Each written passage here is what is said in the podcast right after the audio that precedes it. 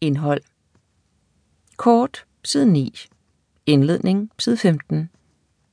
Prolog Et møde ved fredens grænse, side 21. 1.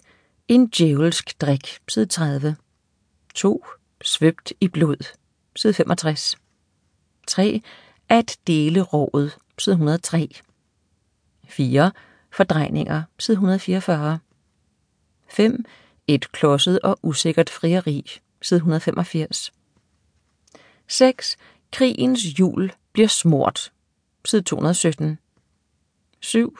Kammerat Stenrøv i det fascistiske uhyres hule, side 254. 8. At ride på den nazistiske tiger, side 281. 9. Ingen ære blandt 20 knægte, side 326. Epilog Livet efter døden, side 369. Tak, side 381. Tidstavle, side 383. Appendix, side 387. Illustrationer, side 390.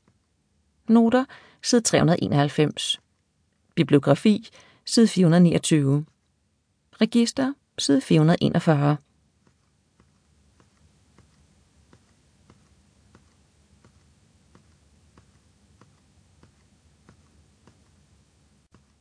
Indledning Den 23. august 1939 udbragte Stalin en skål for Hitlers helbred. Selvom de to diktatorer aldrig kom til at mødes, kom den alliance, de den dag indgik, til at ændre verden. Den nazistisk-sovjetiske pagt, Hitler-Stalin-pakten eller Molotov-Ribbentrop-pakten, holdt i mindre end to år, i det den sluttede med Hitlers angreb på Stalins Sovjet den 22. juni 1941. Ikke desto mindre var den en af de mest skældsættende begivenheder i 2. verdenskrig. Da jeg begyndte at researche til denne bog, skete det jævnligt, at venner og bekendte uden for kredsen af historikere spurgte mig, hvad jeg arbejdede med. Jeg plejede at svare, den nazistisk-sovjetiske pagt. De uforstående blikke og hævede øjenbryn sagde mere end mange ord. Med undtagelse af Polen og de baltiske stater er denne pagt simpelthen ikke en del af vores kollektive fortælling om 2. verdenskrig. Det er imidlertid min faste overbevisning, at det bør den være. Vores uvidenhed om dette emne er forbløffende. Mens enhver anden katastrofe, kampagne og begivenhed fra 2. verdenskrig er blevet fortolket og genfortolket, vurderet igen og igen, er pakten i store træk et ukendt fænomen, som man forbigår som et tvivlsomt indslag i krigen eller opfatter som en fodnote i den større historie. Det er således tankevækkende, at næsten alle de nyere, populære udgivelser om 2. verdenskrig, der er blevet udgivet i Storbritannien, kun i meget begrænset omfang beskæftiger sig med den. Man anser den aldrig for betydningsfuld nok til bare at få et helt kapitel, så det bliver sjældent til mere end et kort afsnit eller to, og måske en håndfuld henvisninger i registret. I betragtning af pagtens indlysende betydning og omfang er det ret uforståeligt.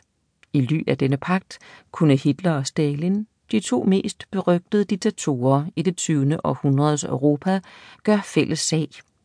De to regimer, hvis senere sammenstød blev det afgørende element for forløbet af 2. verdenskrig i Europa, stod side om side i 22 måneder næsten en tredjedel af krigens samlede varighed. Vi er måske tilbøjelige til at overse i denne sammenhæng, men pakten førte direkte til udbruddet af 2. verdenskrig. Den isolerede Polen mellem to ondsindede naboer og torpederede de vestlige magters temmelig spagfærdige forsøg på at bremse Hitler. Den efterfølgende krig blev således præget af pagtens modbydelige karakter. Mens vestmagterne affandt sig med den såkaldte spøgelseskrig, blev Polen invaderet og delt mellem Moskva og Berlin. Med Hitlers stiltigende samtykke blev de tre uafhængige baltiske stater besat og efterfølgende annekteret af Stalin, og det samme galt den rumænske provins Bessarabien. Også Finland blev invaderet.